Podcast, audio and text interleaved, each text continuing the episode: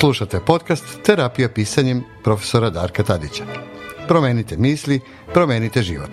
Dobrodošli.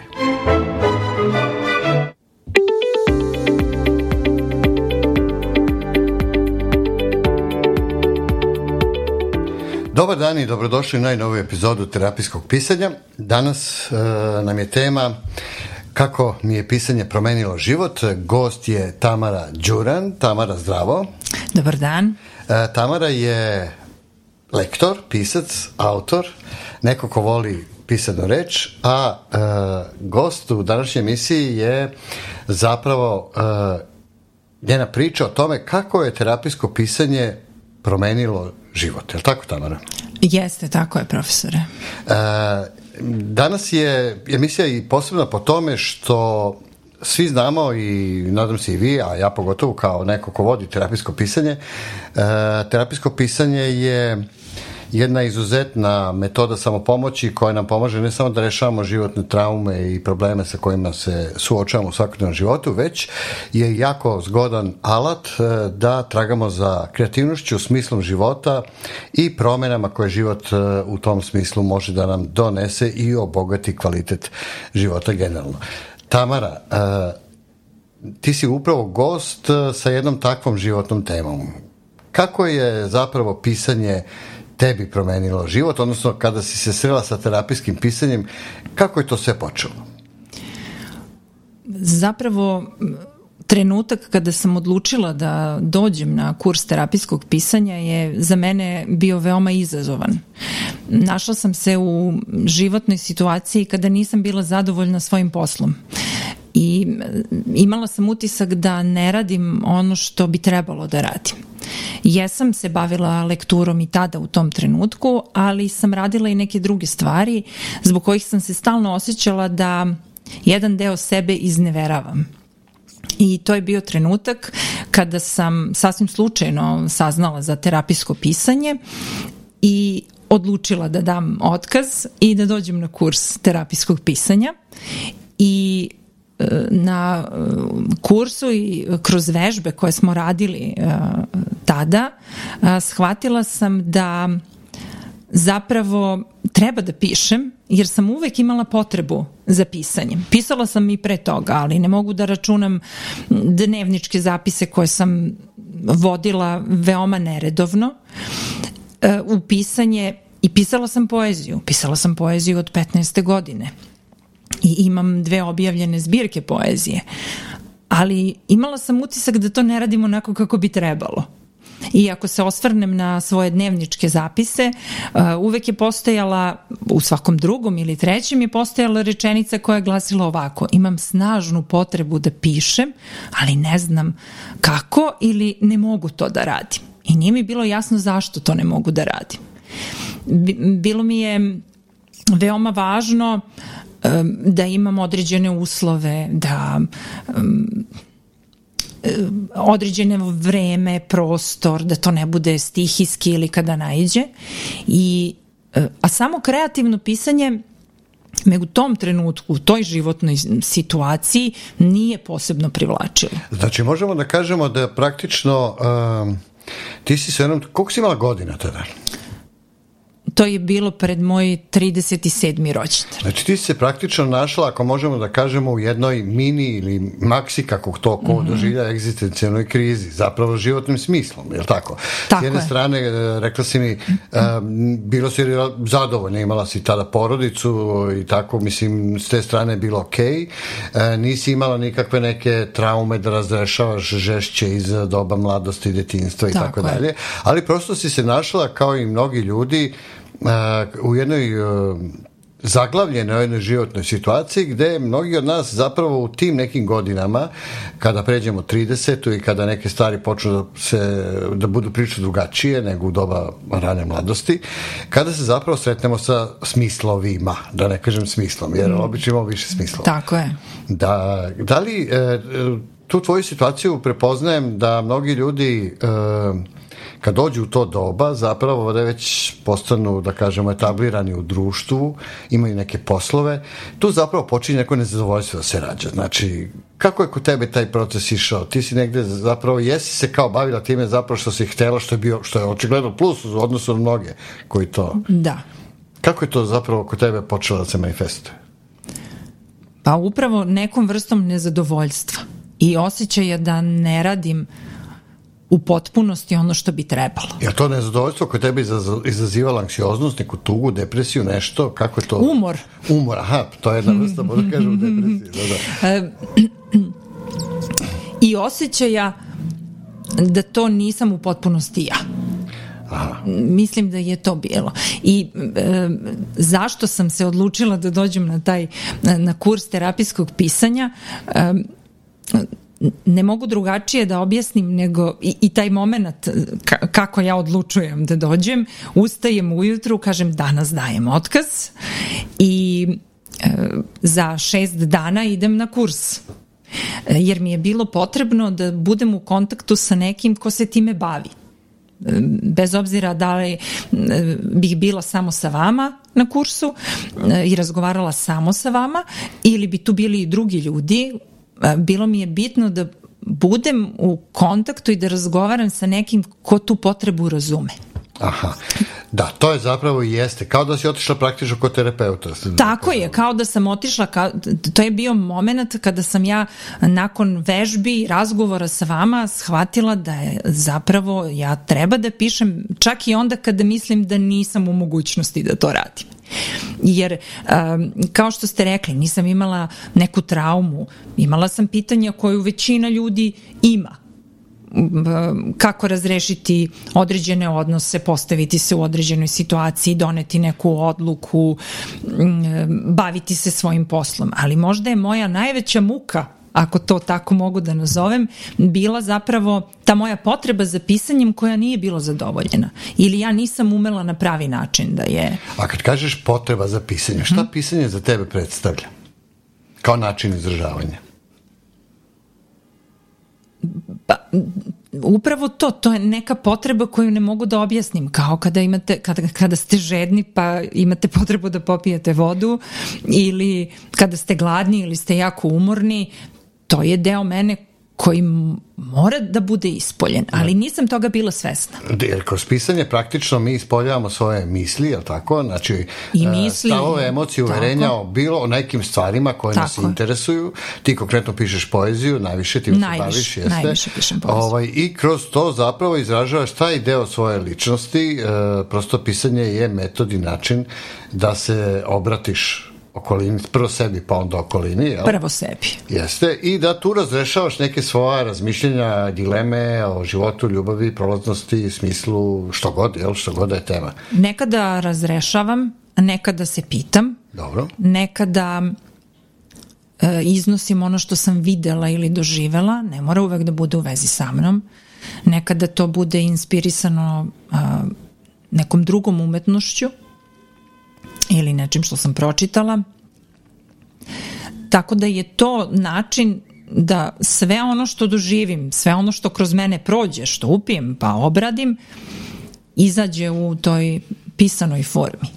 A interesantno je da si rekla dok smo spremali razgovor mm -hmm da nisi imala u glavi ideju tada da bi možda neki kurs kreativnog pisanja bio možda za tebe, kako da kažem, rešenje, već više ovaj terapijski. Kako si povezala to da bi to trebalo da bude terapijski baš? Prvo to mi je zvučalo zanimljivo. Drugo, možda zbog toga što ne znam zašto nikad nisam imala potrebu da budem na nekom kursu kreativnog pisanja. Ne, ne mogu to da objasnim baš najbolje. I na fakultetu smo imali kurseve kreativnog pisanja i ja sam i tada pisala, ali nikada nisam imala potrebu da ne znam, a da sam čitala sam uh, knjige o kreativnom pisanju i pratila sam, nisam imala tu potrebu. Da a terapijsko pisanje, to mi je u tom trenutku bilo kao stojim na litici i sada uh, ne želim da me niko gurne, sam, a ne mogu da skočim, nego ću samu sebe da gurnem, jer je to moment kada sam sebe moraš ili da gurneš ili da izvučeš iz nekog ponora I to mi se učinilo veoma zanimljivima. Drugo, ja volim da kažem da sam ja sa um, pa prvo sa psihologijom bila posvađana od e, gimnazijskih dana, uvek sam se nešto bunila, uvek sam nešto problematizovala, postavljala. I sada se e, desilo da sam baš želela na terapijsko pisanje, to je jedna stvar, a druga stvar je i život mi je namestio da često lektorišem knjige koje su u vezi sa tom temom. I onda sam rekla sebi, dobro, ovo bi trebalo, trebalo videti.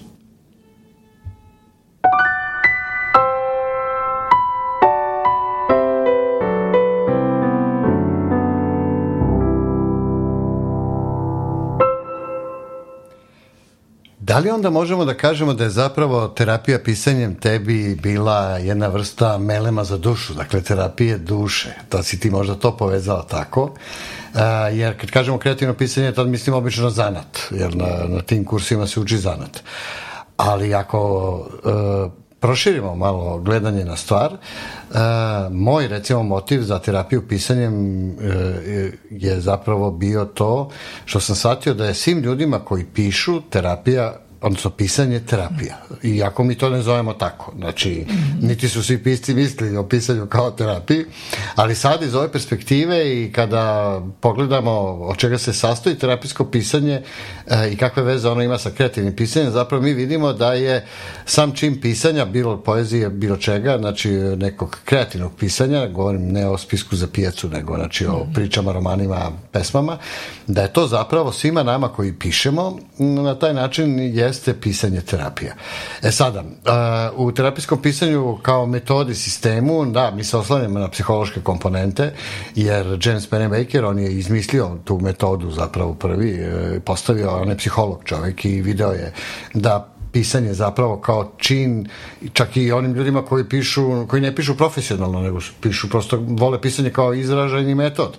Da je njima zapravo pisanje e, izvaredna veza duša mozga i e, ruke znači prosto put za iskazivanje misli i oni to mogu da rade vrlo uspešno čak kažem i ako se ne bave nekom profesionalnom formom u pisanju. A nama koji kombinujemo jedno i drugo, znači i bavimo se profesionalno pisanjem, eseja, priča, pesama i vežbi koje možemo da praktikujemo, zapravo to je dodatni plus uh, u celoj priči. Tako da je vrlo moguće da je tebi za ta izraz terapija, pisanje i mm -hmm. tako zapravo tog trenutka verovatno kinula tu ideju promene. Sigurno da jeste. Jer se, I, mhm. -huh. Kako se ta promjena kod tebe onda dalje oddešavala? Znači, praktično ti se od, odglavila iz zaglavljene situacije. Da, jeste. Ja sam samu sebe gurnula. I ka, kažem vam, to je, sećam se tog jutra, ustajem, dajem otkaz uh, i odlučujem da ću uraditi nešto za sebe. Jer tako mi se to činilo u tom trenutku. Uh, Kako je da- počelo da, onda sa vežbama? Kako ti počelo da radiš vežbe i da pišeš zapravo? Uglavnom sam uh, asocijativno uh, pisanje. Tu vežbu sam najčešće radila i uh, jako sam voljela da se igram uh, traženjem reči koje se uh, ponavljaju i da od njih pravim rečenice. I dešavalo se da nakon tih vežbi zaista dobijem rečenicu koja mi daje poruku šta sam zapravo napisala, šta je to što me je tog trenutka mučilo, o čemu sam razmišljala. I to mi je bilo najzanimljivije. I shvatila sam da iz toga može mnogo toga da se uradi, mnogo toga da se vidi o samom sebi, o tome o čemu razmišljaš, šta te muči ili šta te ne muči, nego jednostavno tog trenutka A sa druge strane, asocijativno pisanje mi je bilo zanimljivo zbog toga i veoma korisno, jer sam shvatila da sve što je oko nas možemo da iskoristimo kao inspiraciju, kao povod, kao inicijalnu kapislu da bismo nešto napisali. Nije potrebno da tragamo za inspiracijom. Jel? Ona će nekako doći sama ili kako Picasso reče doći će dok radiš. Da. To je veoma važno to, to promišljenje i to praćenje. Da, to sam primetio. Nečekanje. Da, da mnogi ljudi koji se e, bave pisanjem ili nekim drugim kreativnim poslom često naglašavaju da asocijalno pisanje jako korisno.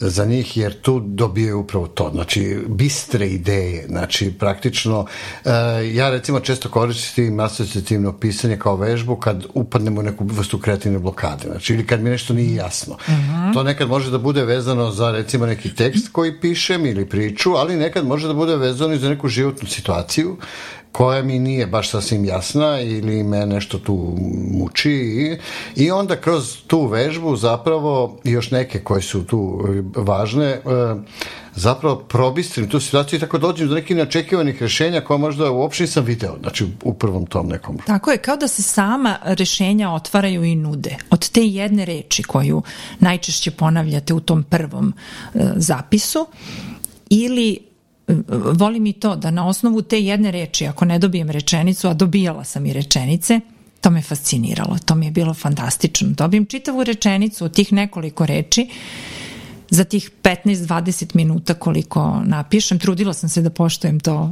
vremensko ograničenje, da ne odem uh, daleko i ta jedna reč, onda sam pisala na tu jednu reč a, dalje asocijativno pisanje, mada moram da a, priznam da mi se dopada vežba kada prvo pišemo u prvom licu, pa onda u a, trećem, Aha, kao da je nekome drugom i shvatila sam sasvim slučajno, dakle to ništa, taj deo nisam svesno radila, dešava mi se, s obzirom da sada imam dva rukopisa i potpuno su različiti, pesnička, jedan je ceo u prvom licu i takav treba da bude, a drugi je u trećem jer je više narativni.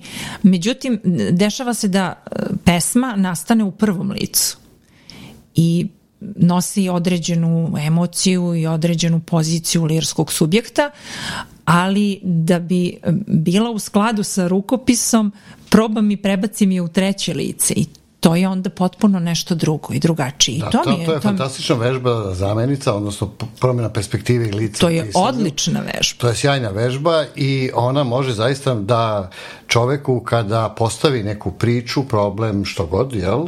I onda ga pro, provuče kroz razna lica, dobiš potpuno druge perspektive, proširiš svest o tome potpuno. zapravo, neke potpuno druge ključeve dobiješ.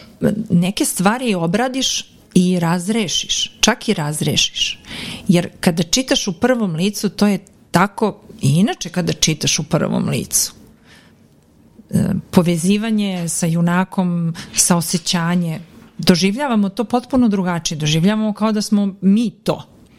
Ali čak i kada pišeš o sebi u trećem licu, ne u onom smislu da se, da se uh, distanciraš, da sebe porekneš potpuno, da isključiš, nego da napraviš potrebnu distancu, otklon, potpuno drugačije doživiš. Apsolutno, i to potpuno drugačije da živiš kako emotivno, tako i kognitivno. Znači, tako je. promene nevjerovatna, znači ne, može da bude... Da, ja sam to uh, upravo na, na kursu kod vas shvatila, jer tu priču koju sam tada napisala, u prvom pa odmah posle toga u trećem neke stvari mi je potpuno promenila moj doživljaj svega toga.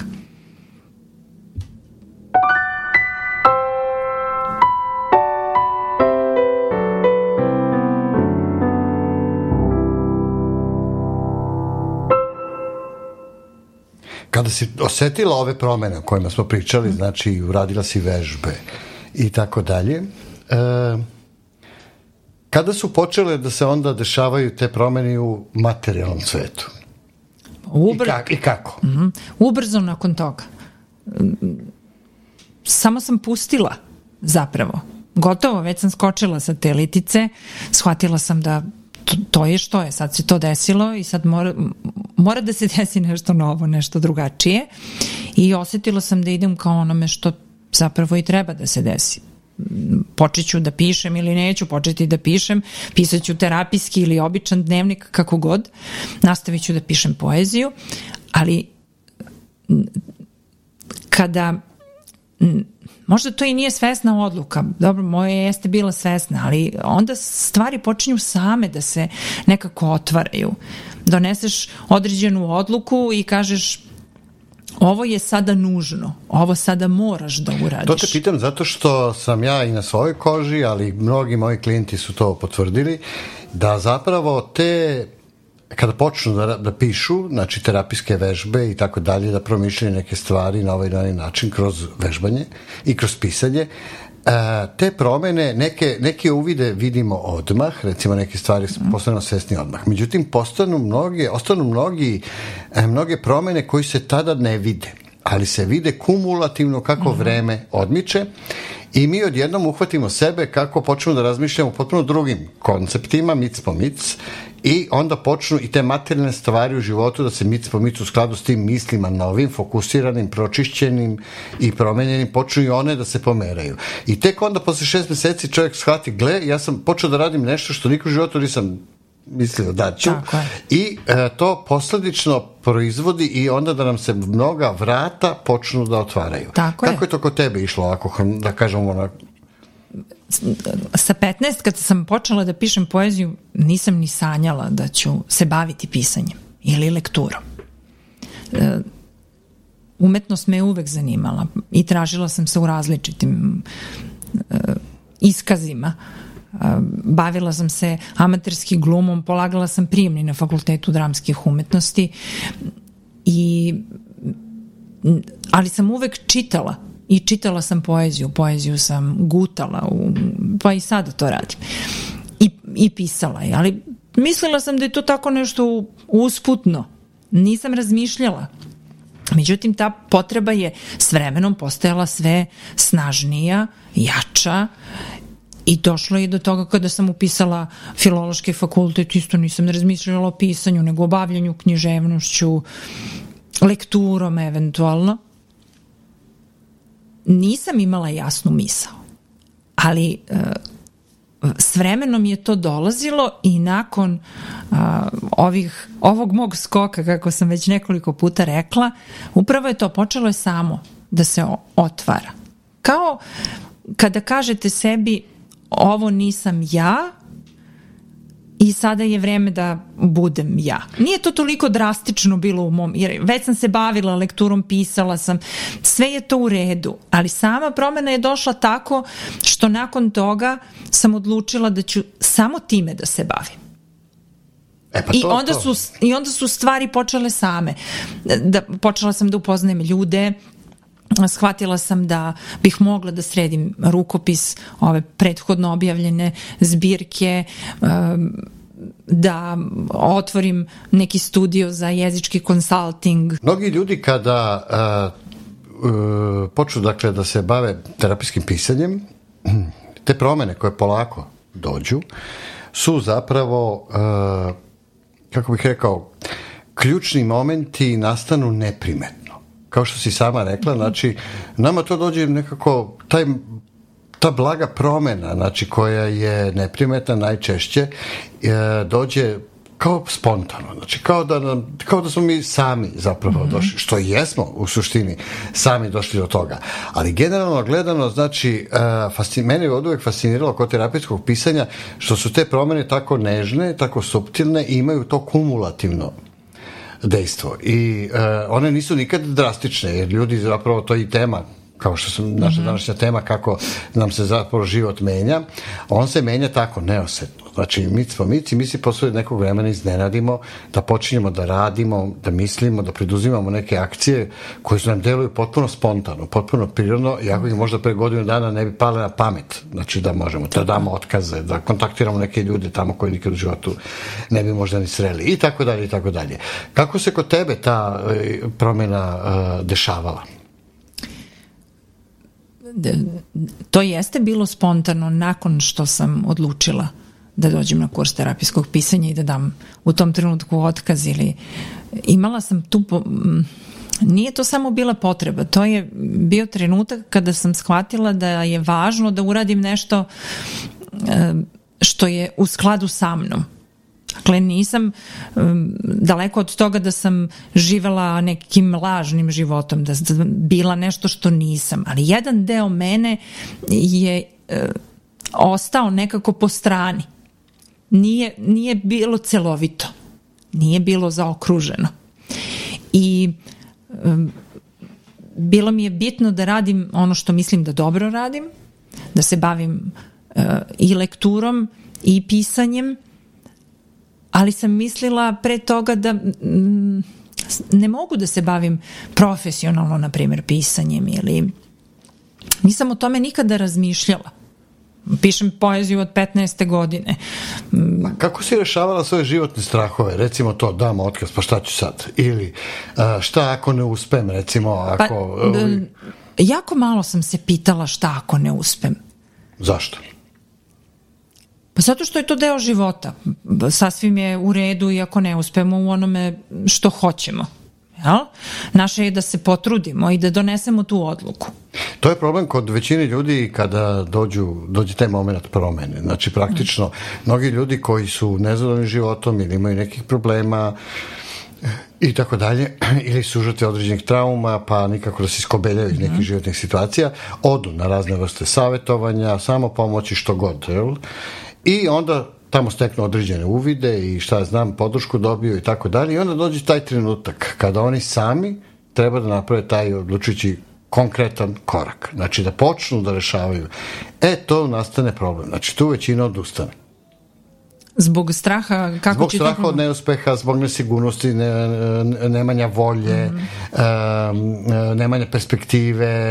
Iako dobiju možda neke upute i smernice, mm -hmm. čak i od drugih, heli, koji ih podrže u nekim stvarima, recimo terapeuti, ali često žive, nažalost, u toksičnim sredinama gde, je, gde su te utege toliko teške mm -hmm. da ih stalno vuku nazad, uh, ti si imala sreću da si imala, da kažemo sreću i životne okolnosti, da si ipak imala koliko toliko stabilan taj neki porodični... Tako je, i podršku sa te strane. Jeste tu neku mrežu podrške, ali opet nije bilo lako. Znači... Ne, nije bilo lako, ali meni je bilo e, strašnije i veći strah mi je bio da ostanem tako neispunjena ili nezadovoljna ili da ne nađem način da zadovoljim i tu svoju potrebu ili za pisanom rečju ili da na kraju krajeva da radim ono što volim. To mi je bilo strašnije nego pitanja šta ako ne uspem u tome. Jer, pa šta ako ne uspem u tome?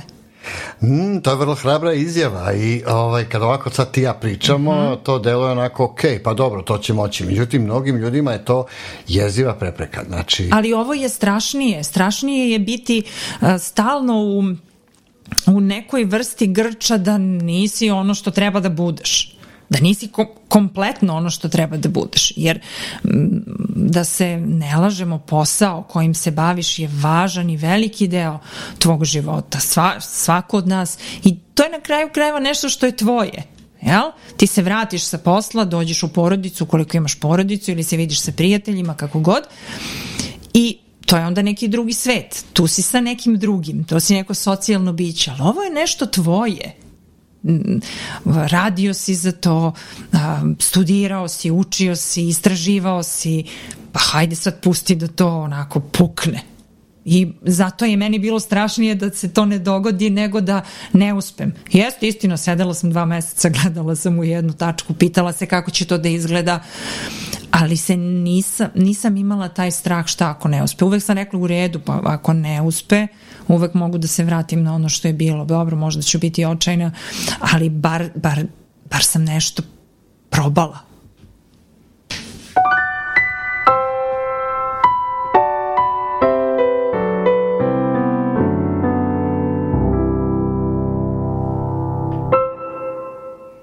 Sada iz ove perspektive kada si eh, kroz terapijsko pisanje dobila taj kidač prvi i dobila prvu, da kažem, samo podršku u toj mm. celoj priči e, okrenula si se, ostvarila si nove e, perspektive, počela da ideš novim putem i ostvarila neku vrstu zadovoljstva, zaista. Šta bi preporučila ljudima koji su u sličnoj poziciji, koji tragaju za smislom, ali nikako da se okrenu, nikako da se usude. Šta bi im poručila da rade? Ka, ka, šta im je činiti kao savet? Da zaista slušaju taj svoj unutarnji glas i da zaista sebi kažu pa hajde da probam, hajde da da vidimo šta može da se uradi, ali to je teško, to uopšte nije jednostavno. Nisam ja to, to što sam ja ustala tog jutra i rekla to će sada biti tako, to je To je samo bio poslednji trenutak jel? nečega što se gomilalo i, i što, nakon čega sam shvatila da je nužno da se to uradi. Nije to tako, eto ja sam sad hrabra pa nisam imala dileme, nisam imala bojazni, nisam razmišljala ne, jeste, sve je to tako, ali u stvari je najvažnije da budeš sam sa sobom iskren i otvoren. To je važno. To je jedan od ključeva u terapijskom to je, pisanju. To je važno. A terapijsko pisanje je zbog toga dobro što to nikad niko ne pročita, ne mora. Čak i ako ti je to bolno, možda ne moraš ni ti više da se vraćaš na to. Da, da, to je praktično to, ta to, komunikacija sama sa sobom, to jeste ta, cilj terapijskog pa pisanja. Tako zapravo. je, ti, ti sedneš, napišeš to što imaš, uradiš one vežbe ocenjivanja kako se osjećaš, u početku se uvek osjećaš loše na toj skali, kada pročitaš možda čak i gore, imaš utisak da ti je gore nego što ti je bilo, ali ta, to je tako prvih nekoliko puta. A onda shvatiš da čak i ako pišeš isto i nisi čini ti se da nisi razrešio tu dilemu, neke druge stvari se same otvaraju. Ne, spontano ti dolazi, ti se vrtiš oko jedne te iste obsesivne teme koju imaju i pisci, uvek imaju neku temu koja se provlači i pesnici i umetnici i inače, pa i obični ljudi, uvek imamo nešto, jednu ili dve stvari koje nas stalno žuljaju. I u terapijskom dnevniku ti kada se osvrneš na to vidiš da je manje više to isto, bez obzira koliko puta si uradio vežbu i onda samo u jednom trenutku to nekako prestane. Da, ja sam imao čak jednu klinkinju koja je tako pisala, pisala, pisala i onda je rekla ja više neću da pišem ovo, meni dosta. I kad je rekla meni je dosta, dosta? zaista je, zapravo, je bilo dosta. Zaista je bilo dosta. Znači, I onda je ona zapravo odčepila tu konačnu situaciju i svi drugi radovi su počeli da je vuku na drugu stranu potpuno onamo gde treba zapravo. Čak i to dobar efekat, jer zapravo dok se čoveku ne smučiš, ne smučiš sam sebi, Znači, to verovatno neće davati neke rezultate druge, a i to je jedan od zanimljivih efekata koje je terapijsko pisanje. Da, vratiš se unazad i nekada ti se učini, ako je to neka situacija manje više obična, životna, učini ti se da zaista kažeš, a dosta mi je i dosta samo sažaljenja i dosta samo prekora i dosta postavljanja jednog te istog pitanja ako nisi u stanju ili ako nećeš da tražiš odgovore, onda nemoj više ni da postavljaš to pitanje. Da, uh, ono što je meni uh, interesantno jeste da ljudi kada prođu obuku iz terapije pisanja radionice, nauče vežbe kako da pravilno primenjuju i tako dalje, onda zapravo na tom njihovom, meni jeste cilj da ih osposobim da oni to rade pravilno. Znači, kako treba, da razumeju vežbe dobro, da ih tehnički dobro urade, da shvate u konceptima kuda to ide i kako ide. Onda oni zapravo ostanu sami, jel? Krenu da rade, pišu, e, vežbaju, pišu, vežbaju, pišu, vežbaju i onda mic po mic zapravo steknu naviku da komuniciraju sami sa sobom. E, kako ti komuniciraš znači sama sa sobom kada e, to osjećaš kad pišeš? Pišući poeziju komuniciram mislim da tada mislim da tada najviše komuniciram sa sobom, ali sam naučila i da posmatram oko sebe. I kada čitam, dobro, to ima veze i sa mojim poslom, ali mm, postoje jednostavno svaka prilika može da bude povod da komuniciraš sam sam sa sobom. Zato ja mojim klijentima uvek kažem, barem ovima koji ne bave se pisanjem, ni u kakvoj formi, ali profesionalno, da uvek nose dnevnik sa sobom, to je beležnicu da zapišu svoje misli. Znači, to je jedan strašan dobar metod, pogotovo kad se osjećaju recimo uznemireni ili kad se osjećaju da ne mogu da nešto dos, do, domisle neku situaciju, da puste da to odleži, napišu, puste, napišu, puste, pročitaju, napišu i onda mic po mic mozak se sam fokusira zapravo. Kao mi kad pišemo poeziju ili priče, mi imamo Tako. fokus na određenu situaciju, fokus na priču koju stavljamo u kontekste koji nama su važni. Tako i čovjek kada piše beleške, recimo, ili piše neku vežbu, on sebe stavlja u toj fokus u tom trenutku i to je najveća vrednost koju imaju kako ljudi koji se bave terapijskim pisanjem kao ličnim terapeutskim mm. metodom, samopomoći, tako i ljudi koji se profesionalno bave pisanjem, znači sve jedno. A rezultat svega toga je ono što mene najviše fascinira kod pisanja, kako terapijskog, tako i kreativnog jeste ta vrsta katarze koju mi doživimo zapravo. Te male katarze, znači, koju doživimo kada dok terapijski pišemo, to je olakšanje koje, koje mm. ovaj, doživimo kad završimo vežbu ili, ili belešku koju pišemo, a u kreativnom pisanju to, to vrsta zadovoljstva, taj dopamin kada nam je pesma ili priča gotova. Jeste. Taj, taj osjećaj kada zabeležiš pesmu, na primjer, to te drži čitavog dana. Ali m, mm, za mene je pisanje kada smo pre razgovora razgovarali šta je stvari pisanje kada sam, kak, kada sam počela da pišem mislim da sam osvestila to da sam počela da pišem onog trenutka kad sam naučila da se odmaknem od onoga što sam napisala i kada sam počela da promišljam o onome što ću napisati. E, to je ključ. Znači, to je ključ. S tim što mi, recimo, kod terapijskog pisanja imamo taj sistem prepoznavanja obrazaca kako -hmm. razmišljamo, to su oni iza čega se križu zapravo mhm. stavovi i uverenja, a ljudi pisci to rade spontano kroz formu koju priču ili pesmu, zapravo isti proces, samo sa drugačijeg pristupa, znači, ali generalno rezultat isti. Znači, uvek i to je jeste što je meni fascinantno, što jeste cilj u terapijskom pisanju, znači da do, proživimo tu katarzu i da kroz to zapravo uh, najfascinantnije je što imamo efekat koji često vidimo odmah, to je to emotivno mm -hmm. olakšanje ili ona, ha, kad steknemo neki uvid kognitivno, ali to tek svoje efekte daje to što često ponavljam kumulativno, znači kroz određeni vremenski period mi onda, kažem, vidi stvarno to sam i mnogo ranije napravo, kako je to tačno zapravo što, što smo mislili. Da, jeste, ali meni je terapijsko pisanje možda najviše uh, pomoglo uh, da dođem do kreativnog. Zapravo da shvatim da mi nisu potrebni određeni uslovi, da mi nije potrebna uh, inspiracija u smislu onako kako to obično se zamišlja, to je trenutak kada se... Da muza kad ti da, sedne da, da, božanska da. svetlost da, da. te obasja i ti sada ili sad ili nikad, nego da je pisanje čak i poezije koja jeste ipak pisanje trenutka, to je kraća forma i bitno je da tog trenutka budeš potpuno prisutan nije kao kada pišeš prozu ili kada pišeš esej ili tekst, ali i to se promišlja i to se nosi i ta pesma sazreva I to sam zapravo dobila iz terapijskog pisanja jer sam shvatila da mogu da pišem, a na osnovu ovog asocijativnog pisanja sam shvatila da zapravo ja mogu da pišem i da od svega što vidim,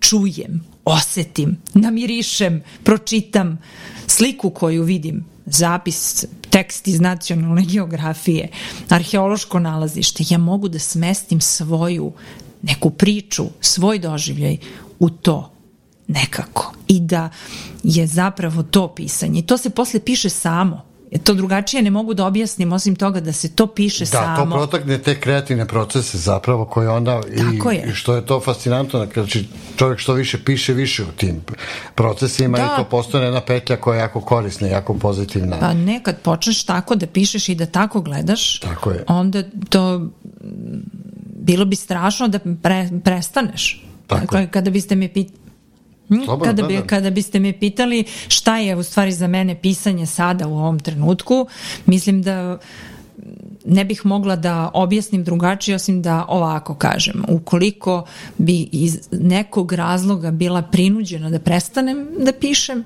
ili bih bila sprečena u tome, jedan, jedan od suštinskih delova moje ličnosti bi se ugasio i to bi bila velika tuga. Eto, to, to je to.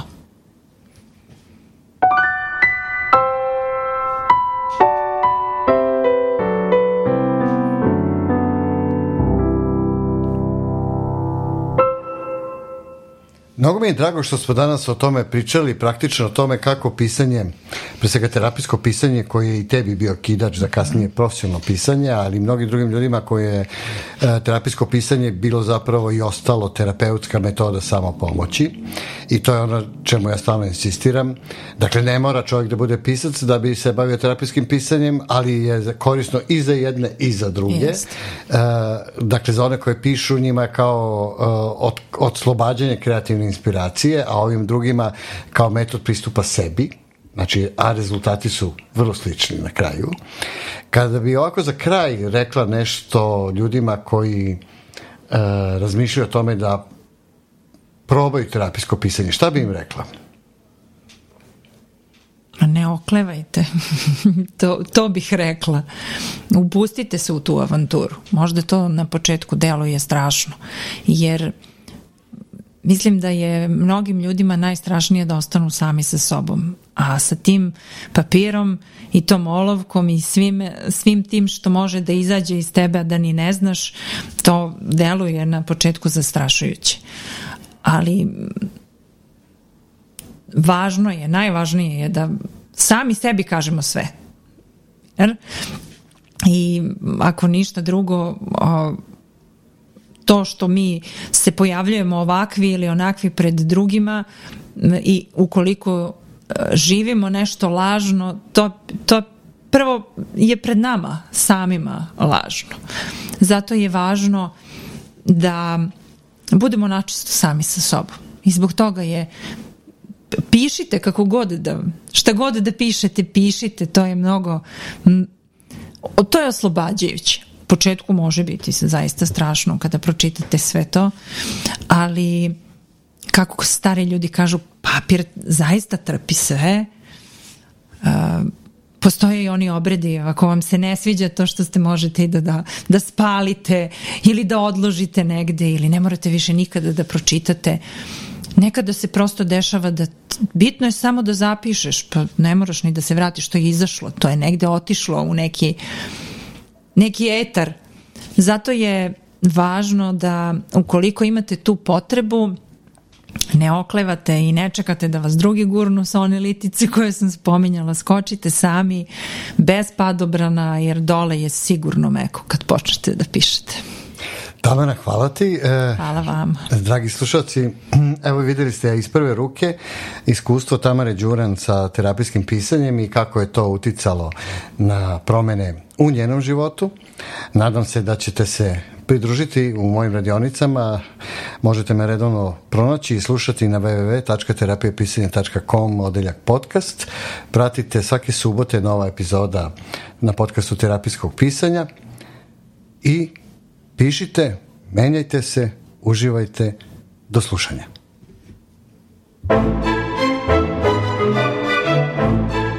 Slušali ste podcast Terapija pisanjem. Pratite me i dalje na mom kanalu www.terapijapisanjem.com. Dobrodošli.